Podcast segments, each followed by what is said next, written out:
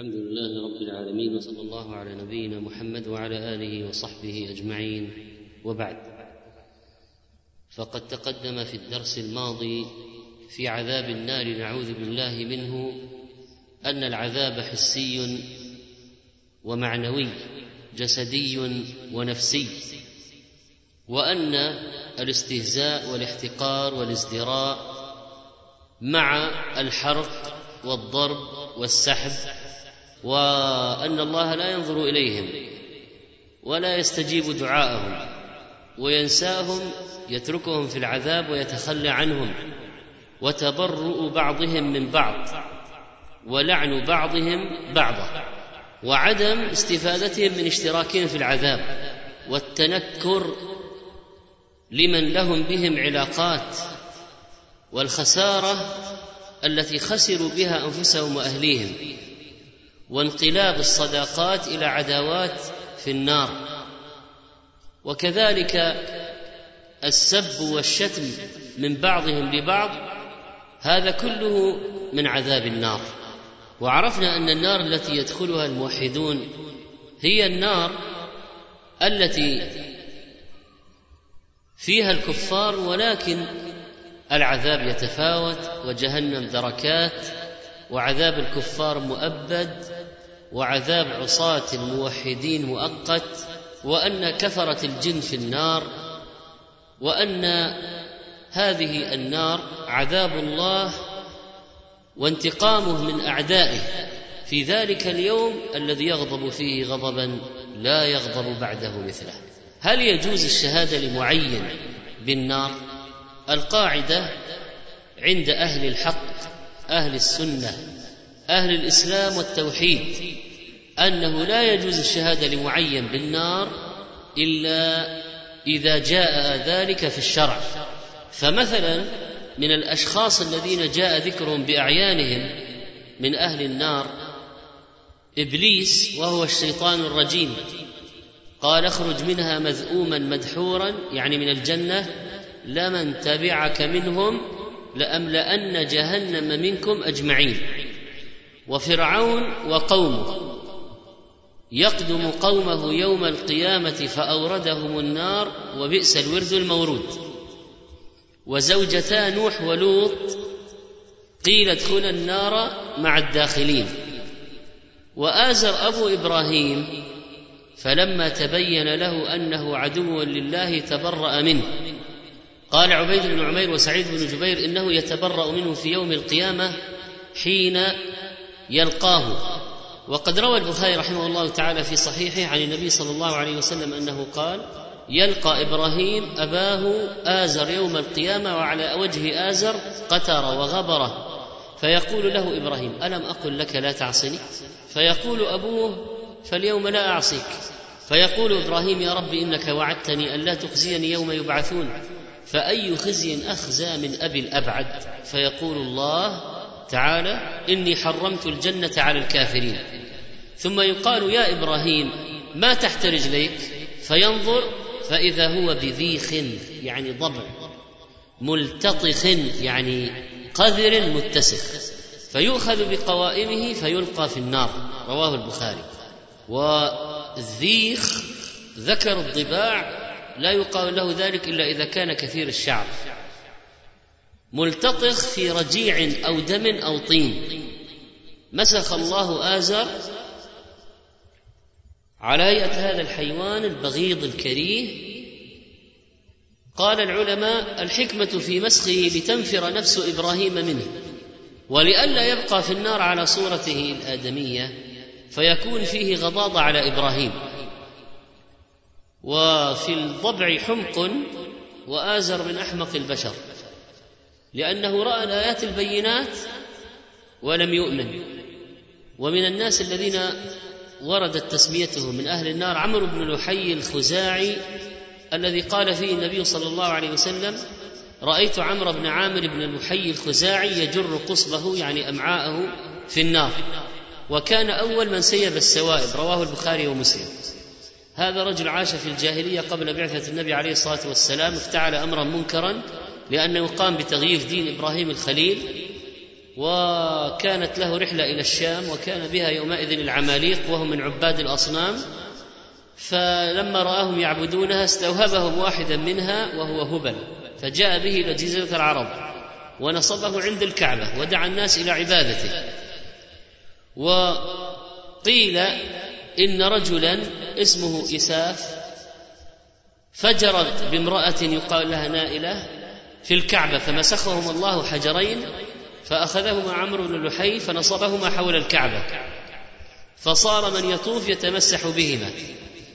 هذا أول من سيب السوائب عمرو بن لحي والسوائب من بهيمة الأنعام.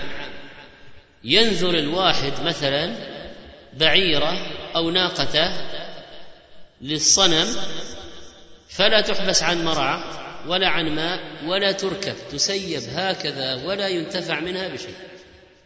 تقربا إلى الصنم بزعمها. من الذي علمهم هذا؟ عمرو بن لحي الخزاعي. أول من غير ملة إبراهيم في جزيرة العرب ولذلك كان من أهل النار. ورد في بعض الأحاديث قارون وهامان وأبي بن خلف. وهو الحديث المشهور المرفوع إلى النبي عليه الصلاة والسلام أنه ذكر الصلاة يوما فقال من حافظ عليها كانت له نورا وبرهانا ونجاة يوم القيامة ومن لم يحافظ عليها لم يكن له نور ولا برهان ولا نجاة وكان يوم القيامة مع قارون وفرعون وهامان وأبي بن خلف. وهذا الحديث لأهل العلم كلام في تصحيحه وتضعيفه حتى من المعاصرين.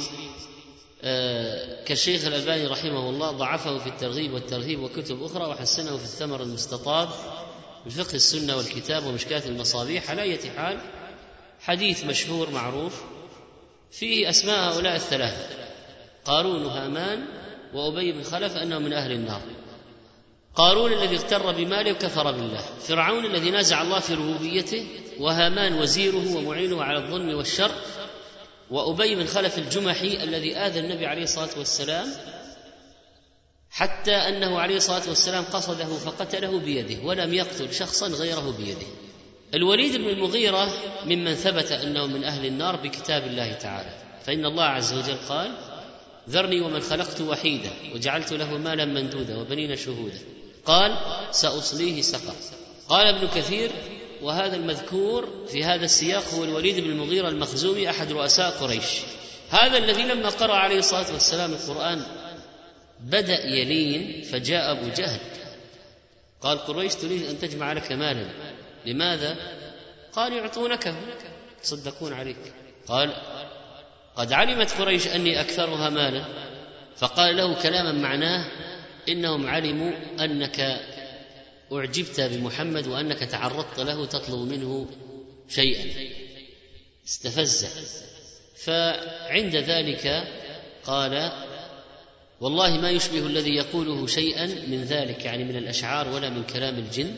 والله إن لقوله الذي يقول لحلاوة وإنه ليحطم ما تحته وإنه ليعلو ما يعلى. وقال والله لا يرضى قومك حتى تقول فيه. أبو جهل يقول له قال فدعني حتى أفكر. فلما فكر قال إن هذا إلا سحر يؤثر. يعني إذا ما كان من قول الشعراء ولا من قول الجن فما هو؟ فكر ودبر وعبس وبسر أدبر واستكبر وقال إن هذا إلا سحر يؤثر. ممن ورد النص عليهم أنه في النار أبو لهب وزوجته كما قال تعالى تبت يدا أبي لهب وتب. ما أغنى عنه ماله وما كسب سيصلى نارا ذات لهب وامرأته حمالة الحطب. في جيدها حبل من مسد تبت يداه خسرت وخابت وضل سعيه امرأته حمالة الحطب أم جميل أروى بنت حرب بن أمية أخت أبي سفيان. كانت من سادات نساء قريش لكنها ذلك ما نفعها عند الله لأنها كانت عونا لزوجها على كفره وجحوده وعلى إيذاء المؤمنين. فهي في النار حمالة حطب تأخذ حطب من النار تلقيه على زوجها. ليزداد فيما فيه من العذاب وتعذب معه أيضا في جيدها وعنقها حبل من النار. ممن ورد النص عليهم أنه في النار أبو طالب. كما قال عليه الصلاة والسلام هو في ضحضاح من نار ولولا أنا لكان في الدرك الأسفل من النار. وقد تقدم ذلك وجاء في الصحيحين أن النبي عليه الصلاة والسلام لما حضرت أبا طالب الوفاة جاءه فوجد عنده أبا جهل وعبد الله بن أبي أمية بن المغيرة فقال أي عم قل لا إله إلا الله كلمة أحاج لك بها عند الله. فقال أبو جهل وعبد الله بن أبي أمية أترغب عن ملة عبد المطلب؟ تموت على غير ملة أبيك؟ هذه حال قرناء السوء. عند الموت يثبتون على الكفر. فلم يزل رسول الله صلى الله عليه وسلم يعرضها عليه ويعيدان يعيدان كلامهما بتلك المقالة حتى قال أبو طالب آخر ما كلمهم على ملة عبد المطلب وأبى أن يقول لا إله إلا الله. قال رسول الله صلى الله عليه وسلم والله لا أستغفرن لك ما لم انه عنك فأنزل الله ما كان للنبي والذين آمنوا أن يستغفروا المشركين ولو كانوا قربى من بعد ما تبين لهم أنهم أصحاب الجحيم. هذا عمه أقرب الناس إليه ودافع عنه لكن ما نجاه ذلك لأن التوحيد هو الأصل. ما في توحيد ما في نجاة من النار. ذكر آخرون من أهل النار لكن ليس في سياق شرك أو كفر أكبر. عملوه وإنما في كبائر اقترفوها. فمثلا المرأة التي عذبت الهرة قال عليه الصلاة والسلام عذبت امرأة في هرة سجنتها حتى ماتت فدخلت فيها النار. لا هي أطعمتها ولا سقتها إذ حبستها ولا هي تركتها. تأكل من خشاش الأرض. الحديث رواه مسلم. منهم كذلك سارق الحجيج وسارق بدنتي النبي عليه الصلاة والسلام. وقد جاء في حديث عبد الله بن عمرو في الكسوف أن النبي عليه الصلاة والسلام قال عرضت علي الجنة حتى لو مددت يدي تناولت من قطوفها. وعرضت علي النار. فجعلت أنفخ خشية أن يغشاكم حرها. ورأيت فيها سارق بدنتي رسول الله صلى الله عليه وسلم. ورأيت فيها أخا بني دعدع سارق الحجيج. ماذا كان يفعل؟ عنده عصا مثل العكاز محجن يمشي بها مع الطائفين. ويتعمد إدخال طرفها في متاع الحاج ويمضي في الزحام. فإن لم ينتبه له مضى به. وإن انتبه له قال إنما تعلق بمحجن قال عليه الصلاة والسلام فإذا فطن له قال هذا عمل المحجن هذا سارق الحجيج راه في النار. فهذه العصابات المنتشرة في الحج والعمرة ويل لهم من النار. وكذلك كركرة أو كركرة أو كركرة. كما ذكروا في ضبط اسمه سارق وغال للعباءة من المغانم. بعد الجهاد اشترك في الجهاد. فعن عبد الله بن عمرو رضي الله عنهما قال كان على ثقل النبي صلى الله عليه وسلم رجل يقال له كركرة فمات. فقال رسول الله صلى الله عليه وسلم هو في النار فذهبوا ينظرون إليه فوجدوا عباءة قد غلها. سرق عباءة من المغانم قبل أن تقسم فراح في النار. قال ابن حجر رحمه الله يعذب على معصيته أو المراد هو في النار إن لم يعفو الله عنه. ذكر الرسول صلى الله عليه وسلم أيضا رجلا قتل نفسه انتحر. وحديثه عن سهل بن سعد الساعدي أن رسول الله صلى الله عليه وسلم التقى هو والمشركون فاقتتلوا. فلما مال رسول الله صلى الله عليه وسلم إلى عسكره ومال الآخرون إلى عسكرهم وفي أصحاب رسول الله صلى الله عليه وسلم رجل يعني من شجاعته من قوته من بلائه العظيم لا يدع لهم يعني للكفار شاذة إلا اتبعها يضربها بسيفه. فقالوا أي قال المسلمون ما أجزأ منا اليوم أحد كما أجزأ فلان. فقال رسول الله صلى الله عليه وسلم أما إنه من أهل النار؟ طبعا تعجب الصحابة جدا. كل هذا القتال وهذه الشجاعة هو من أهل النار؟ فقال رجل من القوم أنا صاحبه أبدا. فخرج معه. كلما وقف وقف معه. وإذا أسرع أسرع معه. قال فجرح الرجل جرحا شديدا فاستعجل الموت فوضع نصل سيفه بالأرض وذبابه بين ثدييه. ثم تحامل على سيفه فقتل نفسه. فخرج الرجل أي المراقب المتبع إلى رسول الله صلى الله عليه وسلم يقول أشهد أنك رسول الله. قال وما ذاك؟ قال الرجل الذي ذكرت آنفا أنه من أهل النار فأعظم الناس ذلك فقلت أنا لكم به فخرجت في طلبه حتى جرح جرحا شديدا فاستعجل الموت فوضع نصل سيفه بالأرض وذبابه بين ثديه ثم تحامل عليه فقتل نفسه. فقال رسول الله صلى الله عليه وسلم عند ذلك إن الرجل ليعمل عمل أهل الجنة فيما يبدو للناس وهو من أهل النار. وإن الرجل ليعمل عمل أهل النار فيما يبدو للناس وهو من أهل الجنة. رواه البخاري ومسلم واللفظ لمسلم تغييب خاتمة العبد عنه فيه حكمة لطيفة كما قال ابن حجر رحمه الله. لأن لو علم كل واحد خاتمته سلفا فلعله يفضي إلى عجب من علم أنه من أهل الجنة أو تكاسل أو تراخي عن العمل وإلى أن يزداد عتوا وبطشا من علم أنه من أهل النار. لم يثبت أن صاحب هذه القصة هو قزمان كما اشتهر ذلك في السيرة لكنه رجل معين كان يعرفه الصحابة. وأحيانا يتعمد الصحابة كتمان أسماء بعض الأشخاص لمصالح معينة ويحذفه الراوي من القصة يحذف اسمه. ذكر لنا ربنا عز وجل أقواما من أهل النار كقوم نوح مما خطيئاتهم أغرقوا فأدخلوا نارا وقوم عاد لنذيقهم عذاب الخزي في الحياة الدنيا والعذاب الآخرة أخزى وهم لا ينصرون. وكذلك بنو النضير اليهود ولولا أن كتب الله عليهم الجلاء لعذبهم في الدنيا ولهم في الآخرة عذاب النار. وأهل السنة أهل التوحيد يقطعون أن كل من مات على الكفر والشرك بعد إقامة الحجة عليه فهو من أهل النار الخالدين فيها. أما المخلدون في النار فجرائمهم على تنوع وأولهم الكفار والمشركون وعباد الطواغيت والأنداد. هذا أول وأعظم سبب للخلود في النار واتقوا النار التي أعدت للكافرين. إنه من يشرك بالله فقد حرم الله عليه الجنة ومأواه النار.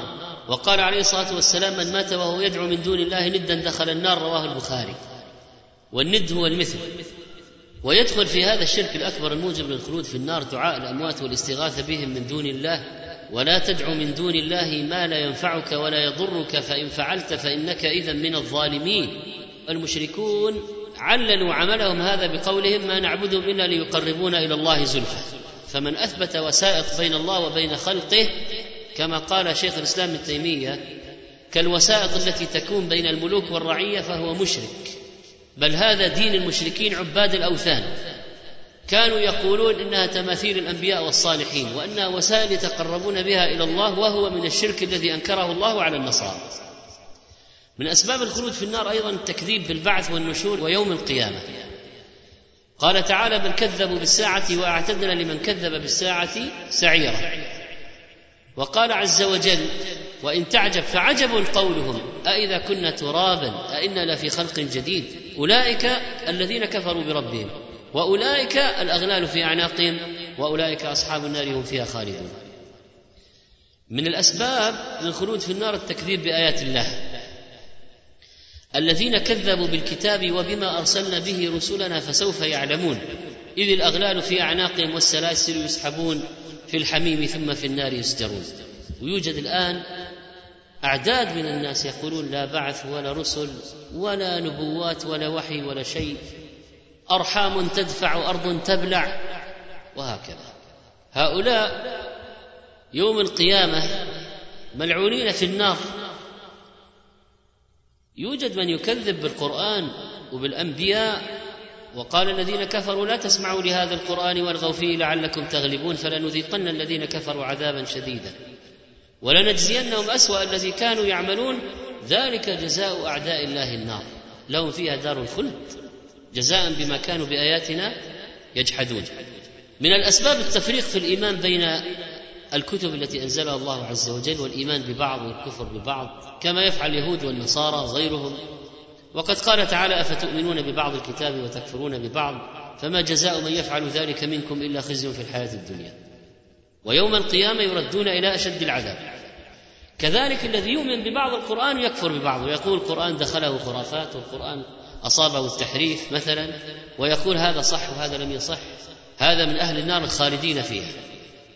من الأسباب كذلك التكذيب بنبوة النبي عليه الصلاة والسلام لأن هذا من المعلوم بالدين بالضرورة من رسالة الإسلام والنبي عليه الصلاة والسلام بين أن الذي لا يؤمن به سيكون من أصحاب النار يوم القيامة. يهودي نصراني من غيرهم من غير من الطوائف يسمع به على الوجه الصحيح تصله الرسالة بشكل واضح ثم لا يؤمن هذا من أهل النار. كذلك من أسباب الخلود في النار قتل النبيين وقتل الذين يأمرون بالقسط من الناس قتل الدعاء إلى الله. قال تعالى إن الذين يكفرون بآيات الله ويقتلون النبيين بغير حق ويقتلون الذين يأمرون بالقسط من الناس فبشرهم بعذاب أليم.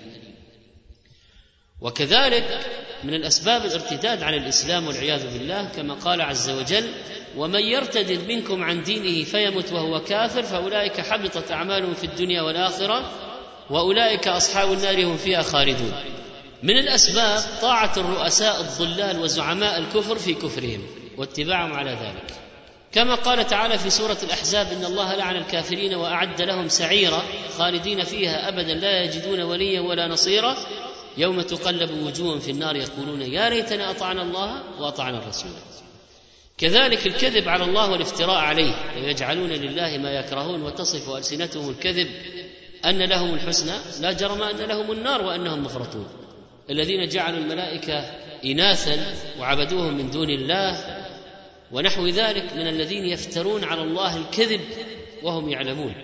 النفاق الأكبر طبعا من أسباب التخليد في النار وعد الله المنافقين والمنافقات والكفار نار جهنم خالدين فيها هي حسبهم. ولعنهم الله ولهم عذاب مقيم.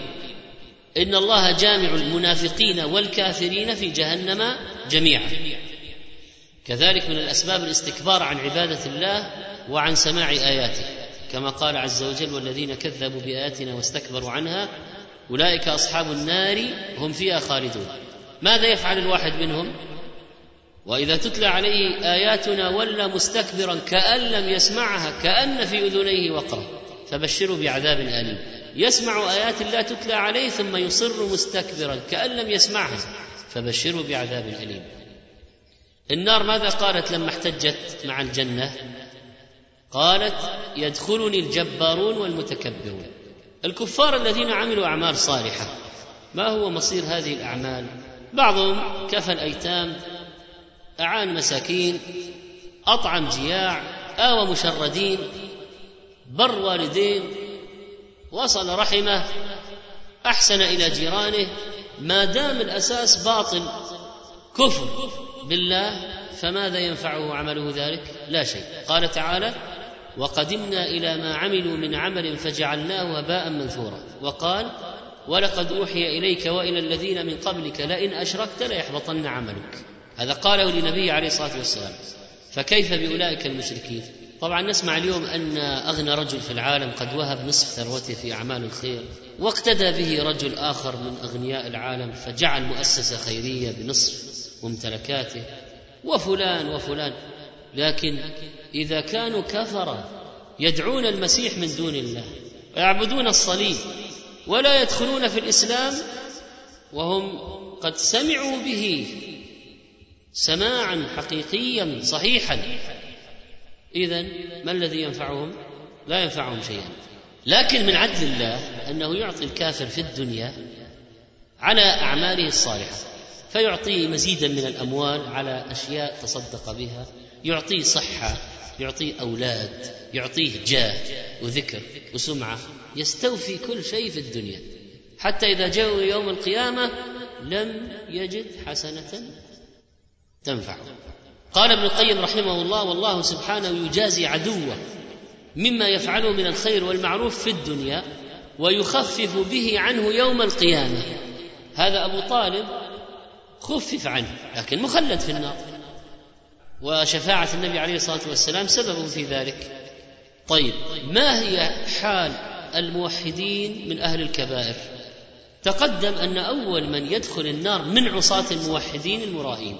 قارئ للقرآن ومقاتل في المعركة مع المسلمين يجاهد الكفار ومتصدق منفق. لماذا؟ كما تقدم هذا فعل ليقال فلان شجاع وهذا فعل ليقال فلان كريم وهذا فعل ليقال فلان قارئ أو فلان عالم. أخذتم في الدنيا نصيبكم والناس تكلموا بذلك وأثنوا ومدحوا. فليس لكم الآن إلا النار فيسحبون إليها. قال معاوية رضي الله عنه لما سمع بهذا الحديث أبو هريرة أغمي عليه كم مرة لما أراد أن يحدث به. قال معاوية رضي الله عنه قد فعل بهؤلاء هذا فكيف بمن بقي من الناس؟ ثم بكى بكاء شديدا حتى ظننا أنه هالك. ثم أفاق ومسح عن وجهه وقال صدق الله ورسوله. من كان يريد الحياة الدنيا وزينتها نوفي إليهم أعمالهم فيها وهم فيها لا يبخسون. أولئك الذين ليس لهم في الآخرة إلا النار وحبط ما صنعوا فيها وباطل ما كانوا يعملون. وتقدم أن أول من تسعر بهم النار الأولية النسبية بالنسبة للعصاة من الموحدين هؤلاء. وأما الكفار فقد سحبوا إلى النار من قبل. العصاة من غير المشركين والكفار لهم ألوان من التعذيب في النار ولهم ألوان من العذاب. مع أنهم ليسوا بكفار لكن الله يعذب من العصاة وأهل الكبائر. فمن عذابه ثلاثة لا يكلمهم الله يوم القيامة ولا ينظر إليهم ولا يزكيهم ولهم عذاب أليم. شيخ زان تقدم به السن وليس في فورة شباب ولا داعي الشهوة عنده قوي مع ذلك زاني. وملك كذاب يعني عنده سلطان ما يحتاج للكذب لا يخاف من رعيته. فلماذا يكذب؟ هذا كذب متأصل في نفسه. ثم هو قدوة الناس ويكذب على الملأ وعائل مستكبر يعني فقير متكبر. تكبر على ماذا؟ يعني المال الذي دعا المتكبرين للتكبر هو فاقده. فهو فاقد سبب التكبر ويتكبر. هذا معناه أن التكبر متأصل في نفسه والحديث رواه مسلم. مثلا المتجسس. على المسلمين. قال عليه الصلاة والسلام ومن استمع إلى حديث قوم وهم له كارهون أو يفرون منه هو مصر يستمع. قال صب في أذنه الآنك يوم القيامة. الآنك الرصاص المذاب وقيل خالص الرصاص وقيل هو القصدير قاله الداودي. الحديث رواه البخاري. طيب الذين نجوا من النار يعرفون أنهم فقدوا ناس كانوا معهم مسلمين في الدنيا فهل يتخلون عنهم أو ماذا يفعلون؟ قال النبي صلى الله عليه وسلم في الحديث الطويل في ذكر الصراط حتى إذا خلص المؤمنون من النار فوالذي نفسي بيده ما منكم من أحد بأشد مناشدة لله في استقصاء الحق من المؤمنين لله يوم القيامة لإخوانهم الذين في النار فالذين نجوا من النار يناشدون ربهم في هؤلاء في إخوانهم الذين سقطوا في النار يريدون أن يشفعوا لهم لكي يخرجوا منها. ومعنى الحديث أي ما منكم من أحد يناشد الله في الدنيا في استيفاء حقه أو استقصائه وتحصيله من خصمه والمتعدي عليه بأشد من مناشدة المؤمنين لله تعالى في الشفاعة لإخوانهم هؤلاء الذين سقطوا في النار يوم القيامة. فماذا يقولون في مناشدتهم لربهم؟ يقولون ربنا كانوا يصومون معنا ويصلون ويحجون. فيقال لهم أخرجوا من عرفتم. لكن طبعا أدركه من العذاب ما أدركه. وناله ما ناله. ولو لحظة. كم هي شديدة؟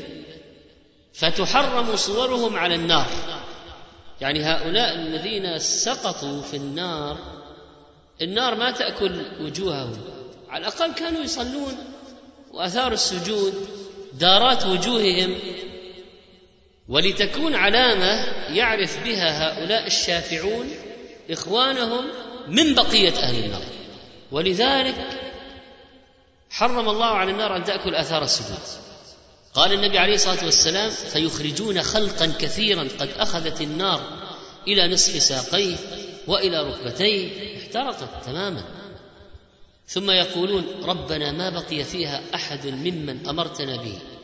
فيقول ارجعوا فمن وجدتم في قلبه يعني ارجعوا إلى النار فمن وجدتم في قلبه مثقال يعني زنه مقدار دينار من خير فأخرجوه فيخرجون خلقا كثيرا. ثم يقولون ربنا لم نذر فيها أحدا ممن أمرتنا. ثم يقول ارجعوا فمن وجدتم في قلبه مثقال نصف دينار من خير فأخرجوه. فيخرجون خلقا كثيرا. ثم يقولون ربنا لم نذر فيها ممن أمرتنا احدا. ثم يقول ارجعوا. فمن وجدتم في قلبي مثقال ذرة من خير فأخرجوه. فيخرجون خلقا كثيرا. ثم يقولون ربنا لم نذر فيها خيرا أو خيرا. وكان أبو سعيد الخدري راوي الحديث عن النبي عليه الصلاة والسلام يقول إن لم تصدقوني بهذا الحديث فاقرأوا إن شئتم. إن الله لا يظلم مثقال ذرة. وإن تك حسنة يضاعفها ويؤتي من لدنه أجرا عظيما. بعد ما تنتهي شفاعات الكل ممن أذن لهم بالشفاعة قال فيقول الله عز وجل شفعت الملائكة وشفع النبيون وشفع المؤمنون ولم يبق إلا أرحم الراحمين. فيقبض قبضة من النار. فيخرج منها قوما لم يعملوا خيرا قط. ومعنى لم يعملوا خيرا قط يعني عندهم أصل التوحيد. ولكن ما عملوا الخيرات. ويشترط كذلك أن لا يكونوا قد ارتكبوا شيئا يخرجهم من الملة أو تركوا شيئا يخرجهم تركه من الملة كالصلاة. التي من تركها بالكلية كفر. هذا يخرج ويستثنى بالنصوص الأخرى ويفهم بالجمع مع النصوص الأخرى. قال عليه الصلاة والسلام في هذه القبضة قد عادوا حمما يعني صاروا فحما من شدة الاحتراق وماتوا فيلقيهم يعني عز وجل في نهر في أفواه الجنة يعني أوائل الجنة مفتتح مسالك وطرق الجنة يقال له نهر الحياة فينبتون. ويخرجون. قال فيخرجون كما تخرج الحبة في حميل السيل.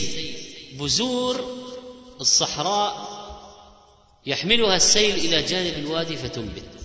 قال عليه الصلاة والسلام الا ترونها تكون إلى الحجر أو إلى الشجر.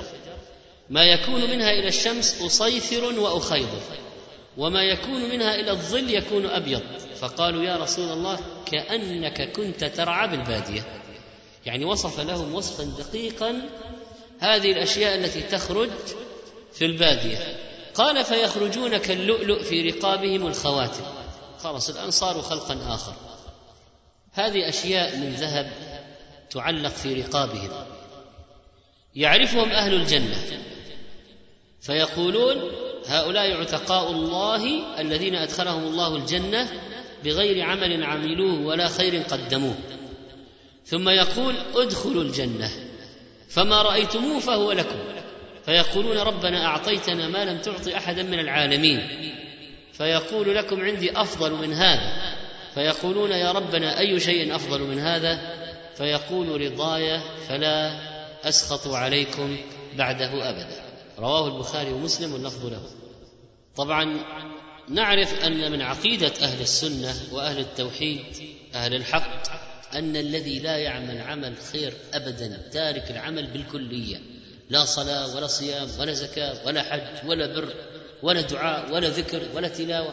تارك العمل بالكلية كافر كفر مخلد في النار. هذا كفر إعراض. لما أعرض عن الدين بالكلية خلده الله في النار. فما معنى لم يعملوا خيرا قط؟ قال بعض العلماء إنه على عادة العرب في استعمال هذه الكلمة. فمثلا يقولون لمن عمل ولم يتقن عمله لم تعمل شيئا قط ما عملت شيء.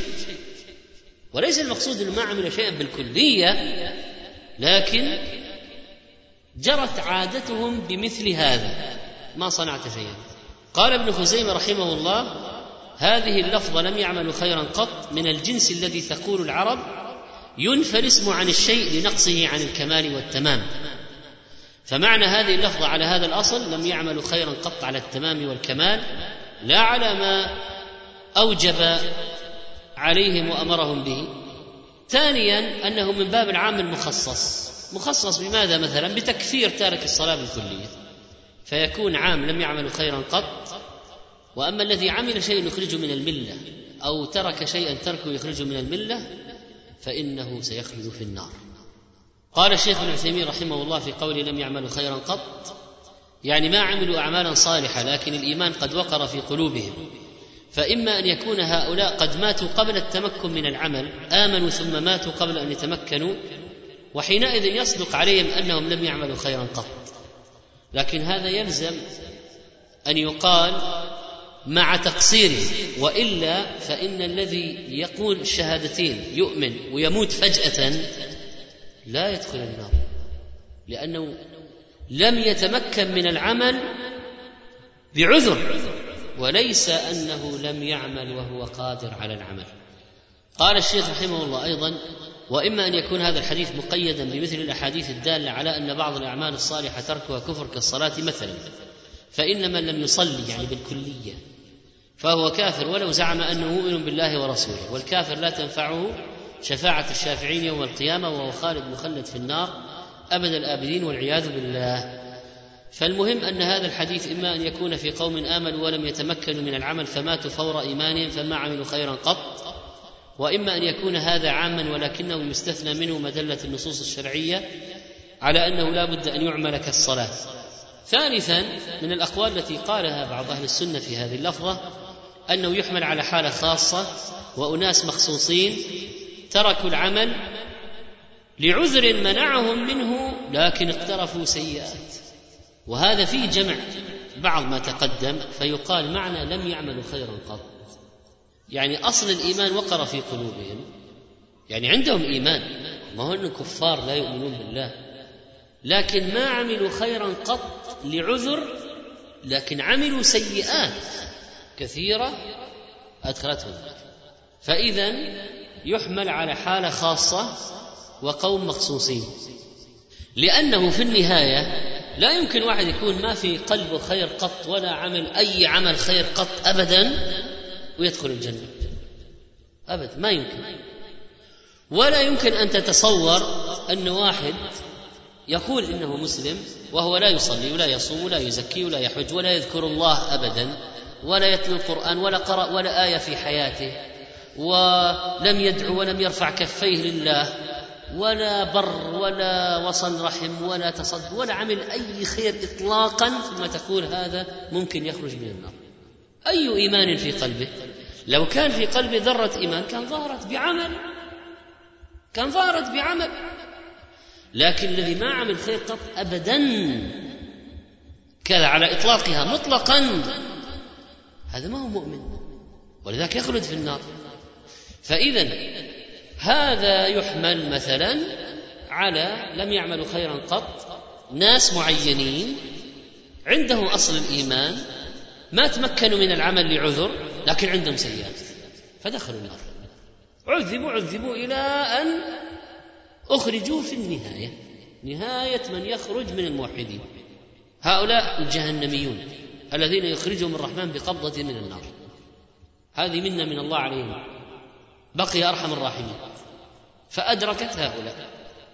فهم آخر أهل النار خروجا منها. ممن يخرج. وأما المخلدون لا يموت ولا يحيا وما هم منها بمخرجين. وقد ورد في بعض هؤلاء من الأمور التي لها مدلول أن بعضهم يدعون الله في النار. وهم في النار. من بقايا الموحدين هؤلاء الذين دخلوا النار. فقد روى الإمام مسلم عن أنس رضي الله عنه عن النبي صلى الله عليه وسلم قال يخرج من النار أربعة فيعرضون على الله فيلتفت أحدهم فيقول أي رب إذ أخرجتني منها فلا تعدني فيها فينجيه الله منها. وجاء عند ابن حبان فيلتفت فيقول يا رب ما كان هذا رجائي فيك؟ فيقول ما كان رجاؤك؟ قال كان رجائي إذ أخرجتني منها أن لا تعيدني فيها فيرحمه الله فيدخله الجنة. وهو حديث صحيح على شرط مسلم. أي رواية ابن حبان هذه.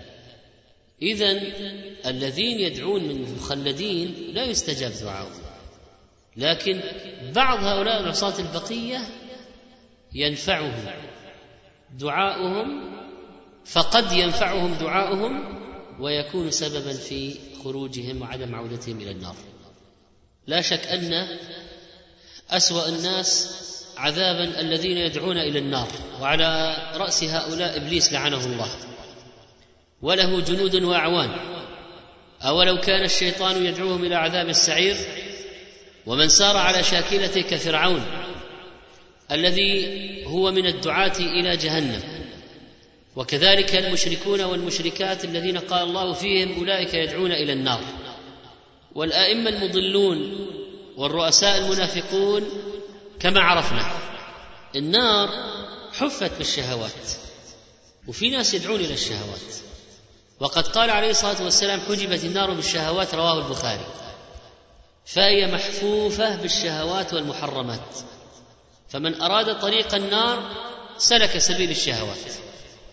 فلما قال حفت النار بالشهوات لا بد أن طريقه يمر بها.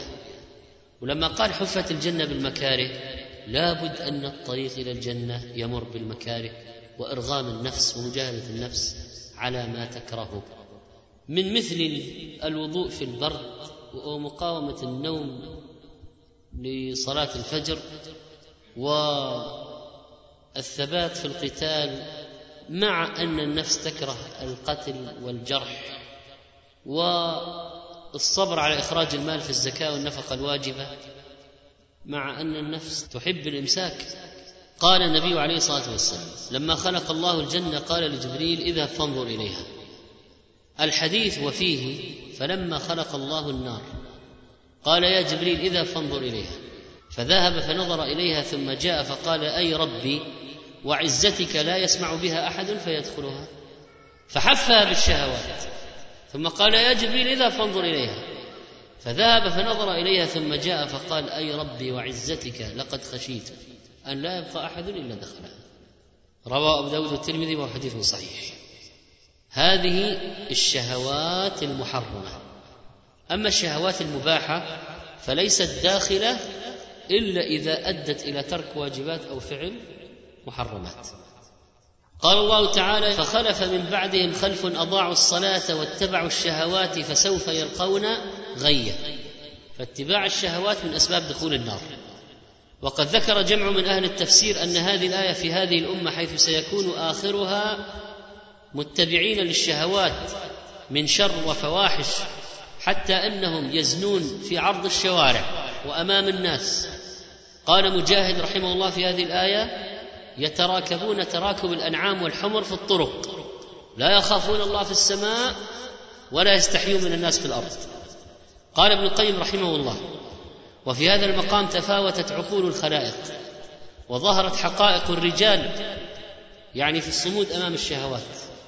فأكثرهم آثر الحلاوة المنقطعة على الحلاوة الدائمة التي لا تزول. ولم يحتمل مرارة ساعة لحلاوه الأبد ولا ذل ساعة لعز الأبد ولا محنة ساعة لعافية الأبد. ما تحمل. الساعة المؤقتة دخلوا فيها. فإن الحاضر عنده شهادة والمنتظر غيب. ليش ما تحملوا؟ لأنه يقول هذه الشهوة امامي أما الحور العين ما شفنا. الحاضر عنده ثقيل في حسه فلذلك يجذبه بقوة. لأن الإيمان بالغيب ضعيف. يقول ذاك في الآخرة. ما شفنا ما عاينا ما أحسسنا به وهكذا. قال فإن الحاضر عنده شهادة والمنتظر غيب والإيمان ضعيف وسلطان الشهوة حاكم فيتولد من ذلك إيثار العاجلة ورفض الآخرة. وهذا حال النظر الواقع على ظواهر الأمور وأوائلها ومبادئها. وأما النظر الثاقب الذي يخرق حجب العاجلة ويجاوزه إلى العواقب والغايات فله شأن آخر. ثم قال رحمه الله فادع نفسك إلى ما أعد الله لأوليائه وأهل طاعته من النعيم المقيم والسعادة الأبدية والفوز الأكبر وما أعد لأهل البطالة والإضاعة من الخزي والعقاب والحسرات الدائمة. ثم اختر أي القسمين أليق بك وكل يعمل على شاكلته وكل أحد يصبو إلى ما يناسبه وما هو الأولى به. وهنا يجب أن نعلم كيف يتقي الإنسان النار وما هي أسباب النجاة منها. لأن الله لما أوجب علينا اتقاء النار بأمره يا أيها الذين آمنوا قوا أنفسكم وأهليكم نارا وقودها الناس والحجاره لا بد أن نعرف ما هي أسباب الوقاية. ولما قال واتقوا النار التي أعدت للكافرين لا بد أن نعرف ما هي أسباب الوقاية. قال أبو حنيفة رحمه الله في قوله تعالى واتقوا النار التي أعدت للكافرين. هذه أخوف آية في القرآن. لماذا؟ قال أوعد الله المؤمنين بالنار المعدة للكافرين إن لم يتقوا. ولذلك قال واتقوا النار. واتقوا يا أيها المؤمنون. اتقوا النار التي أعدت للكافرين. يعني إذا ما اتقيتموها ستدخلوها. ومن رحمته عز وجل أنه بين لنا الأسباب التي تؤدي للنار نجتنبها والأسباب التي تحمي من النار لكي نتخذها لنمنع أنفسنا منها. وما كان الله ليضل قوما بعد إذ هداهم حتى يبين لهم ما يتقون. إن الله بكل شيء عليم. وهذا من عدله عز وجل. بين بين وضح علمنا. أنزل في الكتاب أرسل الرسل ليبين. خلق النار. قال هذه الأسباب وهذه المسالك المؤدية إليها. ولذلك أهل الجنة الذين سلكوا السبل التي تقيهم النار آه، يشعرون بالمنة. واقبل بعضهم على بعض يتساءلون قالوا إنا كنا قبل في أهلنا مشفقين فمن الله علينا ووقانا عذاب السماء كنا نشفق من عذاب النار. ما هي الأشياء التي تجعل الإنسان المسلم من ذكر وأنثى يجتنب النار يتجنب عذاب النار. كيف نتقي النار؟ نتقي النار بأشياء نجتنبها وأشياء نعملها. اولا التي نجتنبها الشرك بالله إنه من يشرك بالله فقد حرم الله عليه الجنة ومأواه النار. من الأعمال المحرمة الاستهزاء بالمؤمنين وازدراء الصالحين. لأنهم يوم القيامة يقال لهم في النار لما يتوسلون ربنا أخرجنا منها فإن عدنا فانا ظالمون يقال لهم اخسأوا فيها ولا تكلمون إنه كان فريق من عبادي يقولون ربنا آمنا فاغفر لنا وارحمنا وأنت خير الراحمين فاتخذتموهم سخريا فلما سخروا من عباده أدخلهم النار هذا من الأسباب التي يجب تجنبها الازدراء والسخرية بالصالحين. من أسباب دخول النار عقوق الوالدين. قال عليه الصلاة والسلام رغم أنفه رغم أنفه رغم أنفه. من يا رسول الله؟ قال من أدرك والديه عند الكبر أو أحدهما فدخل النار. حديث صحيح.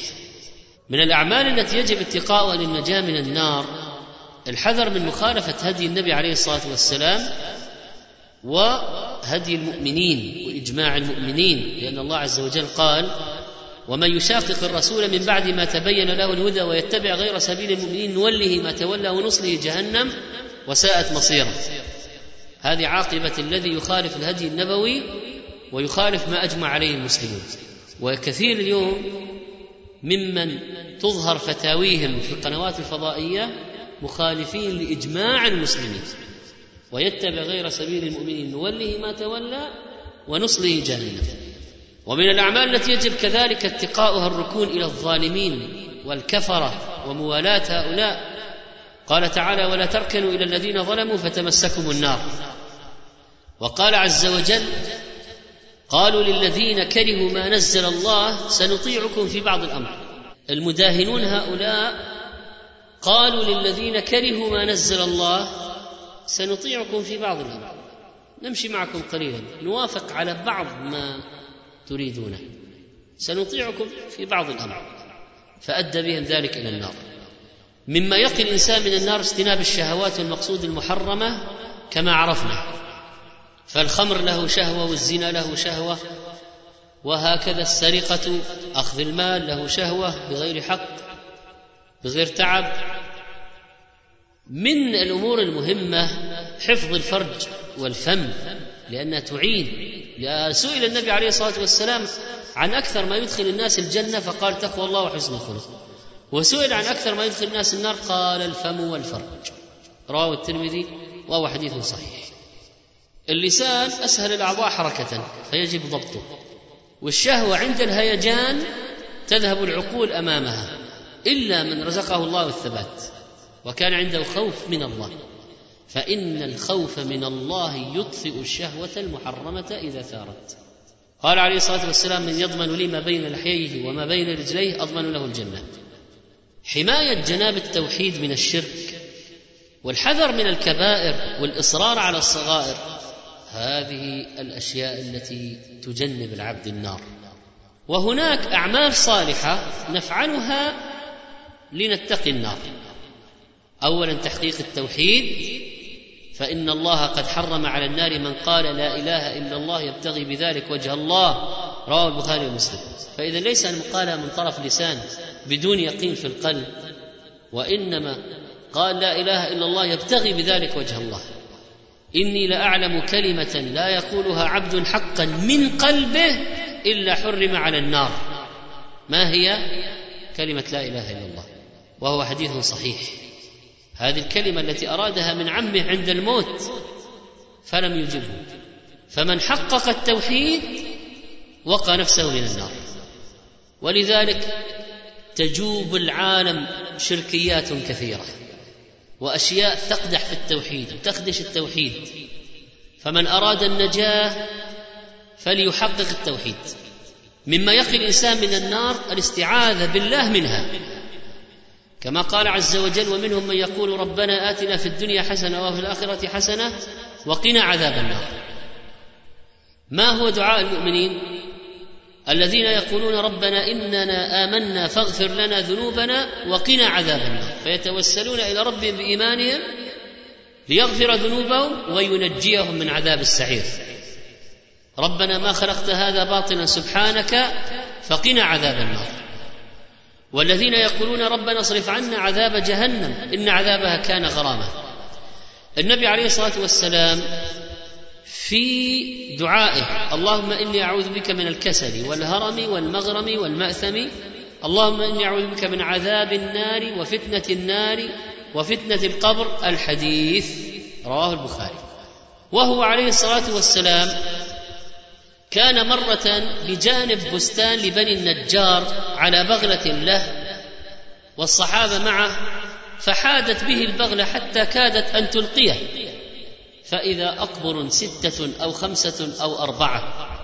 فقال عليه الصلاة والسلام من يعرف أصحاب هذه الأقبر؟ فقال رجل أنا قال فمتى مات هؤلاء؟ قال ماتوا في الإشراك فقال إن هذه الأمة ابتلى في قبورها فلولا أن لا تدافنوا لدعوت الله أن يسمعكم من عذاب القبر الذي أسمع منه ثم أقبل علينا بوجهه فقال تعوذوا بالله من عذاب النار. قالوا نعوذ بالله من عذاب النار. الحديث رواه مسلم. وجاء أيضا أن النبي صلى الله عليه وسلم قال لرجل كيف تقول في الصلاة؟ قال أتشهد وأقول اللهم إني أسألك الجنة وأعوذ بك من النار. أما إني لا أحسن دندنتك ولا دندنة معاذ. يعني الأدعية الكثيرة التي تعرفانها أنتما أنا لا أعرفها. فقال النبي صلى الله عليه وسلم حولها ندندن رواه أبو داود وحديث صحيح. وقد تقدم معنى الحديث الصحيح أن النبي عليه الصلاة والسلام قال ما من مسلم يسأل الله الجنة ثلاثا إلا قالت الجنة اللهم أدخله الجنة ومن استجار من النار ثلاثا قالت النار اللهم أجره من النار. وفي رواية ما استجار عبد من النار سبع مرات إلا قالت النار يا رب. إن عبدك فلان استجار مني فأجره. الحديث وهو صحيح. قال أبو مسلم الخولاني رحمه الله ما عرضت لي دعوة إلا ذكرت جهنم فصرفتها إلى الاستعاذة منها. ما هي المواضع التي يسن ويشرع فيها الاستعاذة من النار؟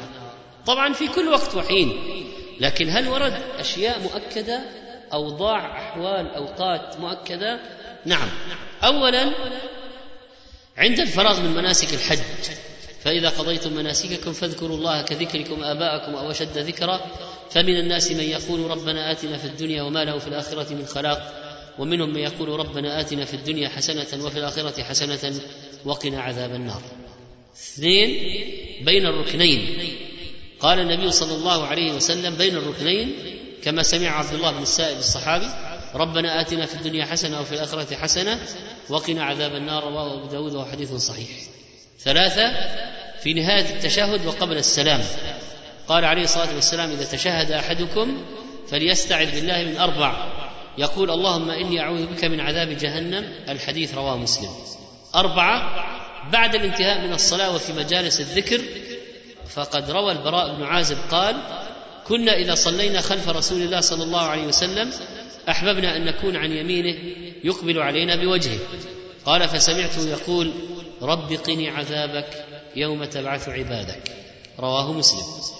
وجاء في البخاري حديث الملائكة الذين يلتمسون مجالس الذكر فيسألهم ربهم عن هؤلاء في حلقة الذكر ماذا يقولون؟ قال فمما يتعوذون. قال يقولون من النار. قال يقول وهل رأوها؟ قال يقولون لا والله يا رب ما رأوها. قال يقول فكيف لو رأوها؟ قال يقولون لو رأوها كانوا أشد منها فرارا وأشد لها مخافة فيقول فأشهدكم أني قد غفرت لهم. رواه البخاري. خمسة عند قراءة آيات العذاب. فقد جاء في صحيح مسلم عن حذيفة رضي الله عنه قال صليت مع النبي صلى الله عليه وسلم ذات ليلة فافتتح البقرة إلى أن قال يقرأ مترسلا إذا مر بآية فيها تسبيح سبح وإذا مر بسؤال سأل وإذا مر بتعوذ تعوذ ثم ركع. رواه النسائي حديث صحيح. ستة عند النوم. قال حذيفة رضي الله عنه كان النبي صلى الله عليه وسلم إذا أراد أن ينام وضع يده تحت رأسه ثم قال اللهم قني عذابك يوم تبعث عبادك رواه الترمذي وهو حديث صحيح. من الأسباب الواقية المحافظة على الصلوات الخمس.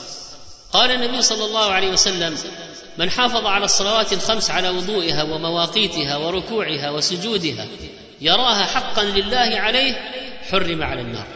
رواه أحمد وهو حديث حسن لغيره. ومر معنا أن الله سبحانه وتعالى حرم على النار أن تأكل من ابن آدم أثر السجود. من الأسباب الواقية من صام يوما في سبيل الله بعد الله وجهه عن النار سبعين خريفا. رواه البخاري ومسلم. مرفوعا. في سبيل الله هل هو في الجهاد أو في طاعة الله؟ كلاهما قولان للعلماء. الصيام هذا عظيم. قال عليه الصلاة والسلام من صام يوما في سبيل الله جعل الله بينه وبين النار خندقا كما بين السماء والأرض. رواه الترمذي وحديث صحيح. أيضا الجهاد. قال عليه الصلاة والسلام من اغبرت قدمه في سبيل الله حرمه الله على النار. رواه البخاري. أيضا الحراسه في سبيل الله والبكاء من خشية الله. عينان لا تمسهما النار عين بكت من خشية الله وعين باتت تحرس في سبيل الله. رواه الترمذي وهو حديث صحيح. أيضا الصدقة ولو بالقليل والكلمة الطيبة. فاتقوا النار ولو بشق تمرة. متفق عليه. وفي رواية اتقوا النار ولو بشق تمرة فإن لم تجد فبكلمة طيبة متفق عليه.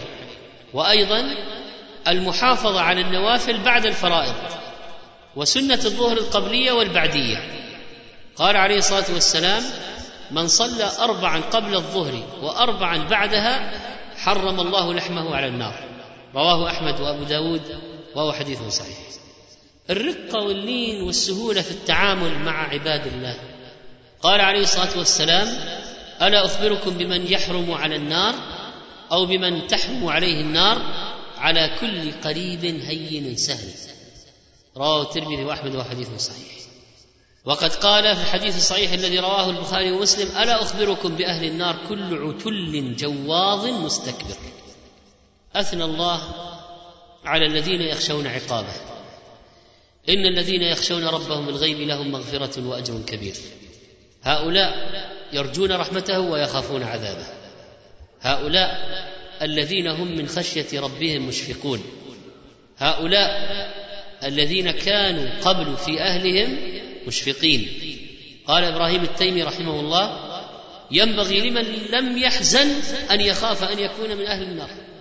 لأن أهل الجنة قالوا الحمد لله الذي أذهب عنا الحزن إن ربنا لغفور شكور. لكن الحزن مما؟ الخوف والإشفاق والبكاء من خشية الله ومن عذابه. وقال سعد بن الأخرم كنت أمشي مع ابن مسعود فمر بالحدادين وقد أخرجوا حديدا من النار فقام ينظر إليه ويبكي. وعن ابن أبي الذباب أن طلحة وزيدا مرا بكير حداد فوقف ينظران إليه يبكيان. وكان هرم بن حيان إذا أصبح غدا فمر بأكورة الحدادين فنظر إلى الحديد كيف ينفخ فيقف يبكي ويستجير من النار. وكان كثير من الصالحين يذكر النار وأنواع عذابها برؤية ما يشبه به في الدنيا كرؤية البحر وأمواجه والرؤوس المشوية يعني حتى الطعام إذا أخرج من الفرن. وبكاء الأطفال وتذكر بكاء أهل النار والحر والبرد. ليس لأن الأطفال من أهل النار لكن لأن بكاء الأطفال ذكره بعضهم كان يذكر النار عند الطعام والشراب يذكر طعام أهل النار وشراب أهل النار. عن العلاء بن محمد قال دخلت على عطاء السلمي فرأيته مغشيا عليه فقلت لامرأة ما شأنه قالت سجرت جارة لنا التنور في فرن عند الجيران وضعت فيه حطب أوقدته فلما نظر إليه غشي عليه. قال شيخ الإسلام رحمه الله وقد يشاهد كثير من المؤمنين من جلال الله وعظمته وجمالها أمورا عظيمة تصادف قلوبا رقيقة فتحدث غشيا وإغماء ومنها ما يوجب الموت وإن كان الكاملون منهم لا يعتريهم هذا لكن يعتري بعض من ضعف محل القلب عنده والوارد قوي فيسقط هذا جواب من قال ولماذا لم يقع للصحابة مثل هذا الغش والإغماء؟ لأن قوة القلب عند الصحابة لما ورد عليها الوارد القوي كما ورد على عمر مثلا في الآيات في الصلاة ونحو ذلك قلبه كان قويا فتحمل الوارد القوي فكان بكاء أو دموعا لكن إذا ورد الوارد القوي على قلب أضعف قد يموت. وهذا طبعا حسن خاتمة على اية حال لو مات من خشية الله. لكن الشاهد كيف كان حالهم بالمقارنة مع حالنا. وربما لا تكاد دمعة تذرف من العين. لقد أطار الخوف من الله النوم من جفونهم.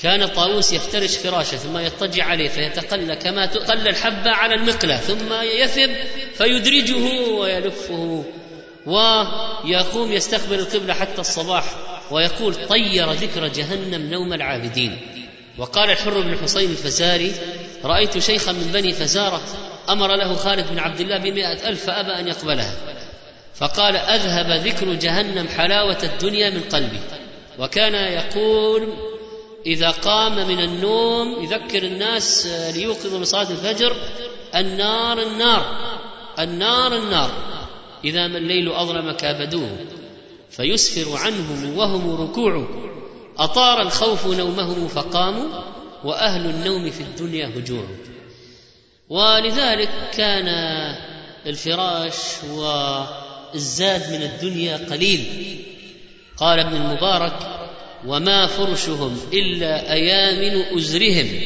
وما وسدهم إلا ملاء وأذرع وما ليلهم فيهن إلا تخوف وما نومهم إلا عشاش مروع وألوانهم صفر كأن وجوههم عليها جساد هي بالورس مشبع. نواحل قد أزرى بها الجهد والسرى إلى الله في الظلماء والناس هجع. ويبكون أحيانا كأن عجيجهم. إذا نوم الناس الحنين المرجع ومجلس ذكر فيهم قد شهدته وأعينهم من رهبة الله تدمع. كان عباد بن زياد التيمي له إخوة متعبدون فجاء الطاعون فاخترمهم جميعا. فقال في رثائهم فتية يعرف التخشع فيهم. كلهم أحكم القرآن غلاما. قد برى جلده التهجد حتى عاد جلدا مصفرا وعظاما. تتجافى عن الفراش من الخوف إذا الجاهلون باتوا نياما بأنين وعبرة ونحيب ويظلون بالنهار صياما. ومن السلف من منعه خوف النار من الضحك. قال الحجاج سعيد بن جبير بلغني أنك لم تضحك. قال كيف أضحك وجهنم قد سعرت والأغلال قد نصبت والزبانية قد أعدت. وقال عثمان بن عبد الحميد وقع في جيران غزوان حريق فذهب يطفئه فوقعت شرارة على إصبع من أصابعه. فقال ألا أراني قد أوجعتني نار الدنيا؟ والله لا يراني ضاحكا حتى أعرف أينجيني من نار جهنم أم لا. ومرض بعضهم وسقط خوفا من النار.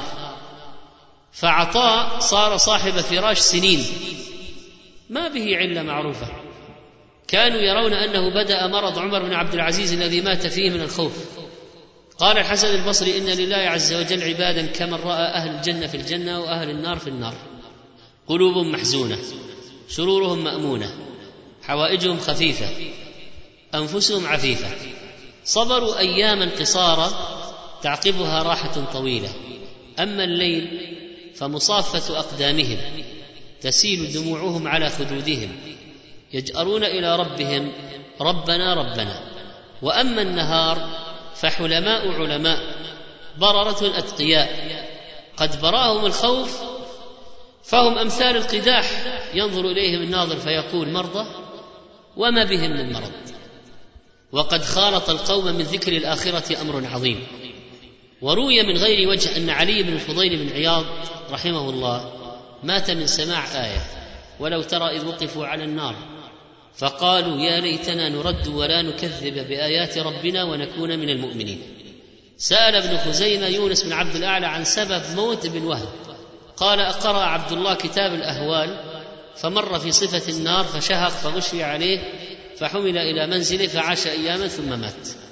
قطع قلوب الخائفين طول الخلودين في الجنة أو النار. قطع قلوب العارفين ذكر الخلودين في الجنة والنار. خطب أبو موسى الأشعري الناس بالبصرة فذكر في خطبته النار فبكى حتى سقطت دموعه على المنبر وبكى الناس يومئذ بكاء شديدا. ونظر عمر بن عبد العزيز إلى رجل عنده متغير اللون فقال ما الذي أرى بك؟ قال أسقام أمراض أمير المؤمنين. إن شاء الله. فاعاد عليه عمر فاعاد عليه الرجل مثل ذلك ثلاثا. فقال إذ إذا أبيت إلا أن أخبرك فإني ذقت حلاوة الدنيا فصغر في عيني زهرتها وملاعبها واستوى عندي حجارتها وذهبها ورأيت كأن الناس يساقون إلى الجنة وأنا أساق إلى النار فأسهرت لذلك ليلي وأظمأت له نهاري. وكل ذلك صغير حقير في جانب عفو الله وثواب الله عز وجل وجنب عقابه. كان عمر بن عبد العزيز ساكتا وأصحابه يتحدثون. قالوا ما لك لا تتكلم يا أمير المؤمنين؟ قال كنت مفكرا في أهل الجنة كيف يتزاورون فيها وفي أهل النار كيف يصطرخون فيها ثم بكى. قال مغيث بن الأسود زوروا القبور. زوروا القبور كل يوم بفكركم. تفكروا في جوامع الخير كل يوم بعقولكم. وشاهدوا الموقف كل يوم بقلوبكم. وانظروا إلى المنصرف يعني من أرض المحشر الناس ينصرفون. بالفريقين إلى الجنة والنار بهممكم وأشعروا قلوبكم وأبدانكم ذكر النار ومقامها وأطباقها. وقال صالح المري للبكاء دواعي الفكرة في الذنوب فإن أجابت على ذلك القلوب وإلا نقلت إلى الموقف وتلك الشدائد والأهوال. فإن أجابت إلى ذلك يعني نفسك ورعوت وذلت لله وإلا فاعرض عليها التقلب بين أطباق النيران. وقال سعيد الجرمي والله ما صدق عبد بالنار قط إلا ضاقت عليه الأرض بما رحبت وإن المنافق لو كانت النار خلف ظهره لم يصدق بها حتى يهجم عليها.